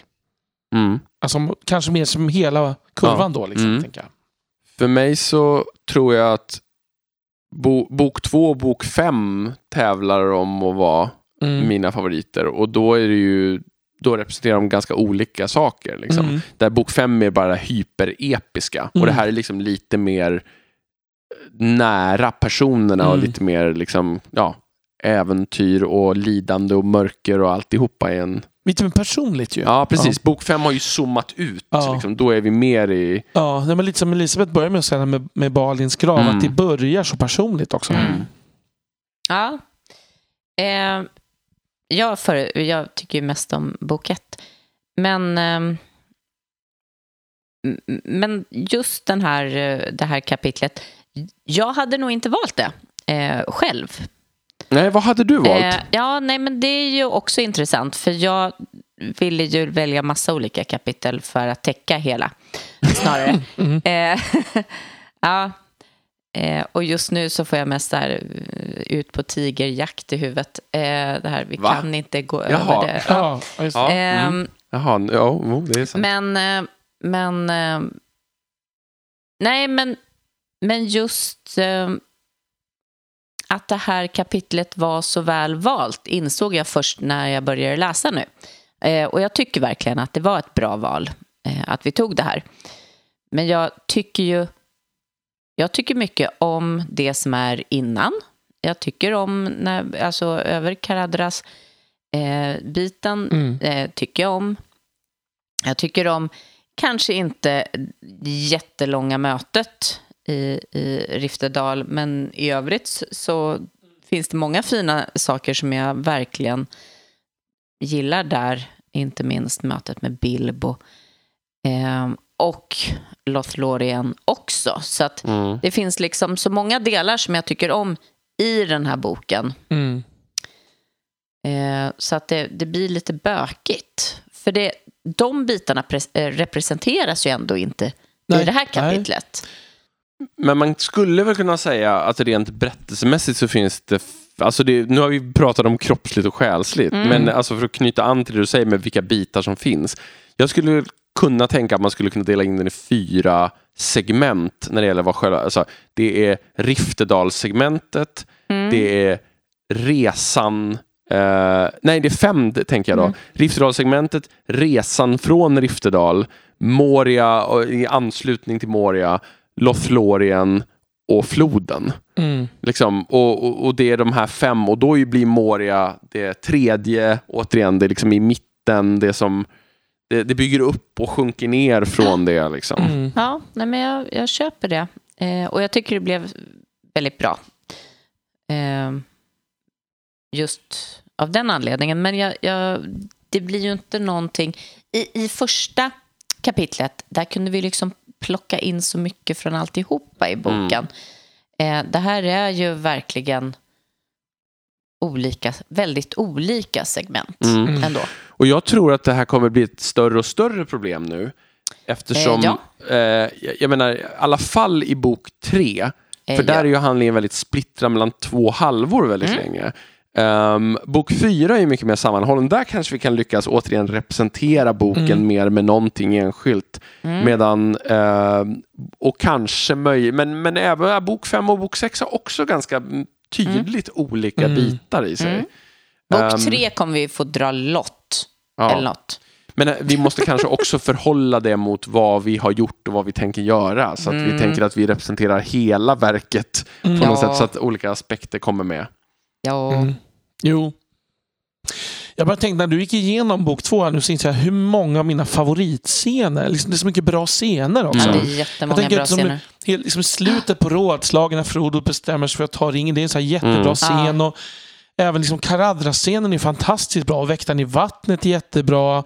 Det här Balrog-scenen, det är mötet med Galadriel, fantastisk Mm. scen.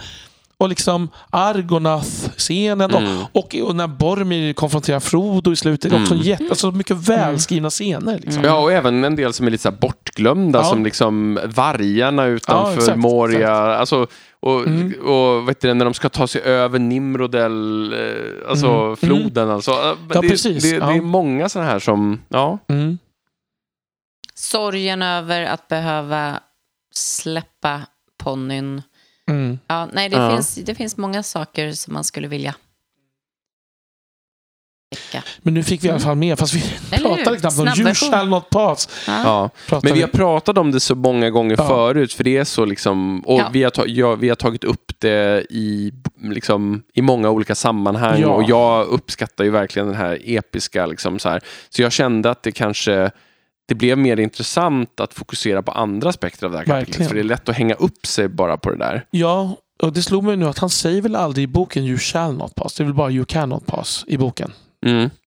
Men, men det där citatet i sig kanske man bara kan säga en kort grej om att liksom eh, här refererar ju Tolkien, apropå jordens sång som vi pratade om, han är, alltså, The Secret Fire är ju med största sannolikhet, eller mer än så, eh, samma sak som The Flame Imperishable i Silmarillion, som är liksom Guds skaparkraft manifesterad i världen på något sätt. Och det är det Gandalf Mm. säger sig tjäna då. Alltså den som har gett Valar möjlighet att bygga världen konkret. Då, Mm. så här, och den som Morgoth åstundar. Ja, det är typ liksom, jag är den heliga andens tjänare Ja, nästan. nej, men verkligen. Liksom. Mm. Eh, och sen så Wielder of the Flame of Anor. Och Anor här liksom är ju solen Mm. eh, som det ska representera. Och då, mm, då så, så skriver Skull och Hammond intressant om det här att, att det är lite konstigt för att solen är, är ganska sen hos Tolkien. Att den, den Mm. dyker upp, liksom, det är bara en blek återspegling av den och månen, av liksom, träden och sådär. Men att Tolkien funderade på att och justera det där. Mm. Och, att, eh, och dessutom att solen och solens ljus i många kulturer och mytologier har associerats med liksom rening och liksom Mm. Mm. helighet och sådär. Och att Gandalf blir liksom det rena ljuset mot Balrogen som det koncentrerade mörkret. Det, Alltså så. Mm. Och då känns solen som en rimlig symbol. Verkligen. Mm. Då fick vi med lite om det där. i Ja, det fick vi.